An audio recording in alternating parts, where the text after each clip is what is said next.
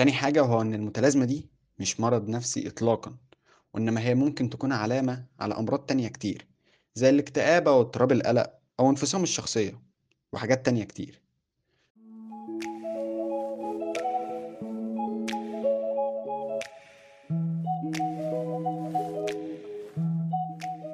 أهلًا بيكم، أنا ديفيد عادل من بودكاست The Curious Mind، واللي فيها بنناقش كل حاجة بتصير في فضولنا وتساؤلاتنا يوميًا، وبتلهمنا. وفي الحلقة دي هنتكلم عن متلازمة جوزكا، وإيه هي؟ وإيه أسبابها؟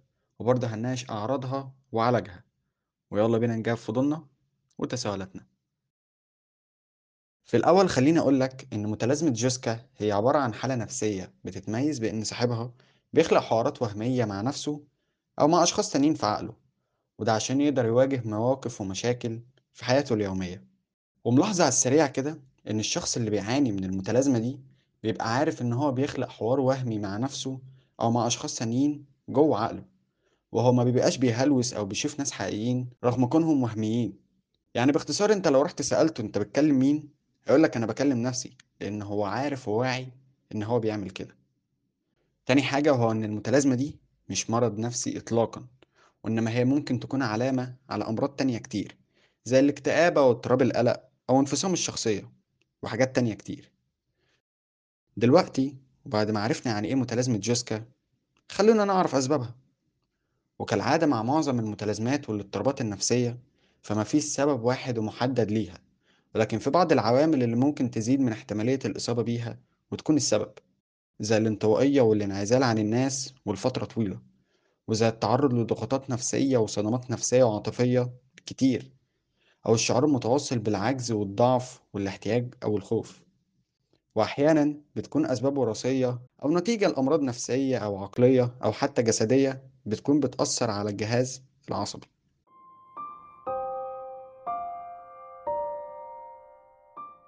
على الجانب الآخر في سؤال مهم جدا وهو إزاي أعرف لو أنا أو حد أعرفه بنعاني من المتلازمة دي؟ ولا كل اللي بيحصل ده مجرد تفكير بشري عادي أو أوفر ثينكينج والإجابة على السؤال ده هتبقى إن أعراض المتلازمة دي بتختلف من شخص للتاني ولكن بشكل عام ممكن تكون كالتالي.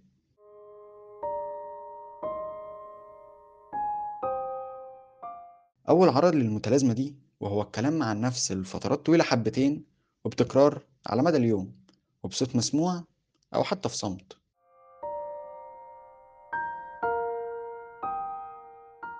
تاني عادة وهو خلق سيناريوهات وقصص وأماكن وأشخاص في دماغك لدرجة إن هي تبقى شبه عادة يومية وبتعملها من غير تخطيط.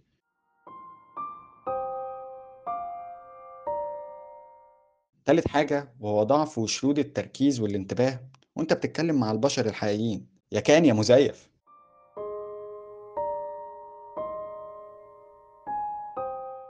رابع حاجة وهو كره المناسبات وأي تجمعات عائلية أو حتى اجتماعية وده ملوش علاقة بالسوشيال انكزايتي نهائي لأن ممكن يكون الشخص ما بيخافش من التجمعات ولكن هو بس بيكرهها ومش حابب وجودها لأنه عايز يرجع يعيش للعالم بتاعه اللي هو عامله في دماغه بإرادته وقوانينه.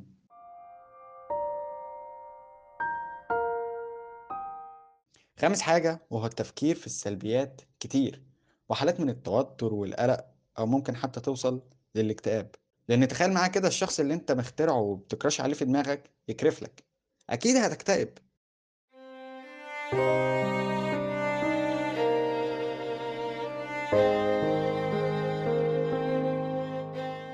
ونوصل لأسوأ جزء ألا وهو مضاعفات المتلازمة دي.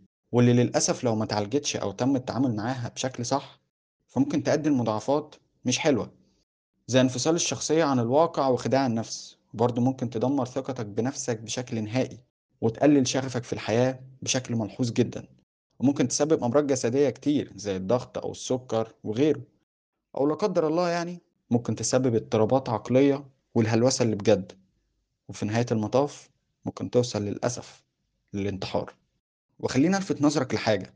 إن إحنا هنا بنتكلم عن متلازمة خطيرة. مش مجرد شوية أوفر ثينكينج فأرجوك اتأكد كويس قبل ما تشخص نفسك بيها. لأن هي مش تشخيص أو مرض أصلا فالأحسن لو حسيت بأعراض روح لمتخصص أو دكتور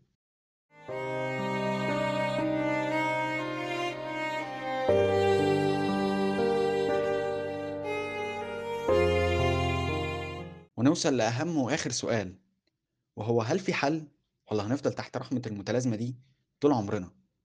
الحقيقة إن مفيش علاج محدد لمتلازمة جوسكا ولكن بينصح بشوية حاجات كده إن شاء الله تساعدك لو حسيت بأي أعراض. أول حاجة وهو إنك تتأكد فعلا من إصابتك بالمتلازمة دي وده غالبا مش هيتم إلا عن طريق متخصص نفسي. وأرجوك فكك من فيديوهات التيك توك وال reels اللي هي بتاعت أربع علامات لو عندك أعرف إن عندك متلازمة جوسكا لأن صدقني كل الكلام ده بلح.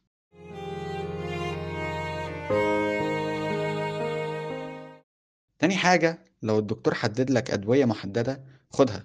وأرجوك أوعى تاخد أي أدوية من دماغك لأن ده ممكن يسبب لك مضاعفات أخطر من اللي إحنا لسه قايلينها.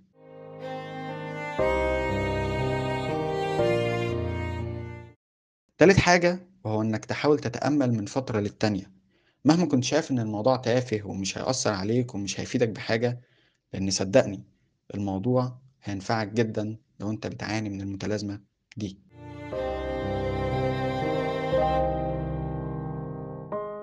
رابع حاجة هو إنك تحاول تظبط نومك وتبذل مجهود أكتر في اليوم وتظبط أكلك ولو أنت بتاخد جرعات عالية من الكافيين حاول تقللها شوية.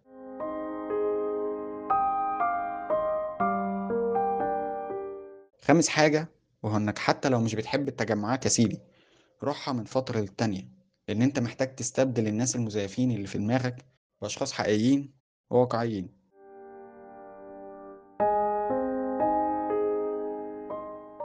سادس وآخر حاجة هو إنك تحاول تاخد دعم من اللي حواليك وتحاول ترفع من مهاراتك في التواصل والتعبير عن مشاعرك وآرائك للناس التانية حتى لو هيرفضوها. وفي النهاية أحب أقولك إن متلازمة جوسكا مش مرض وإنما هي طريقة للتعبير عن الذات والتعامل مع المشاعر والأفكار اللي جوانا. ولكن لو الأفكار والمشاعر دي وطريقة التعبير عنهم بتسبب لك قلق أو اكتئاب أو حتى خوف أو بتأثر على حياتك الاجتماعية أو العملية بشكل ملحوظ؟ فنصيحتي ليك هنا دور على مساعدة واطلبها. وخليك عارف إن في ناس كتير عندها استعداد تساعدك بس كل اللي عليك إنك تطلب. وأرجوك متخافش من إنك تكون الوحيد اللي بتمر بحاجة زي دي لأن صدقني في كتير جدا غيرك عندهم نفس المتلازمة وفي اللي متقبلها وبيعرف يتعامل معاها وفي برضه اللي بتسبب له قلق أو مشاكل. وأكيد الاتنين عندهم استعداد يساعدوك. وأكيد أنت مش محتاجني أقولك أو أفكرك إن ربنا معاك وهيساعدك حتى من غير ما أنت تطلب مساعدته. أنا ديفيد عادل من بودكاست The Curious Mind. أشوفكم في حلقة جديدة. سلام.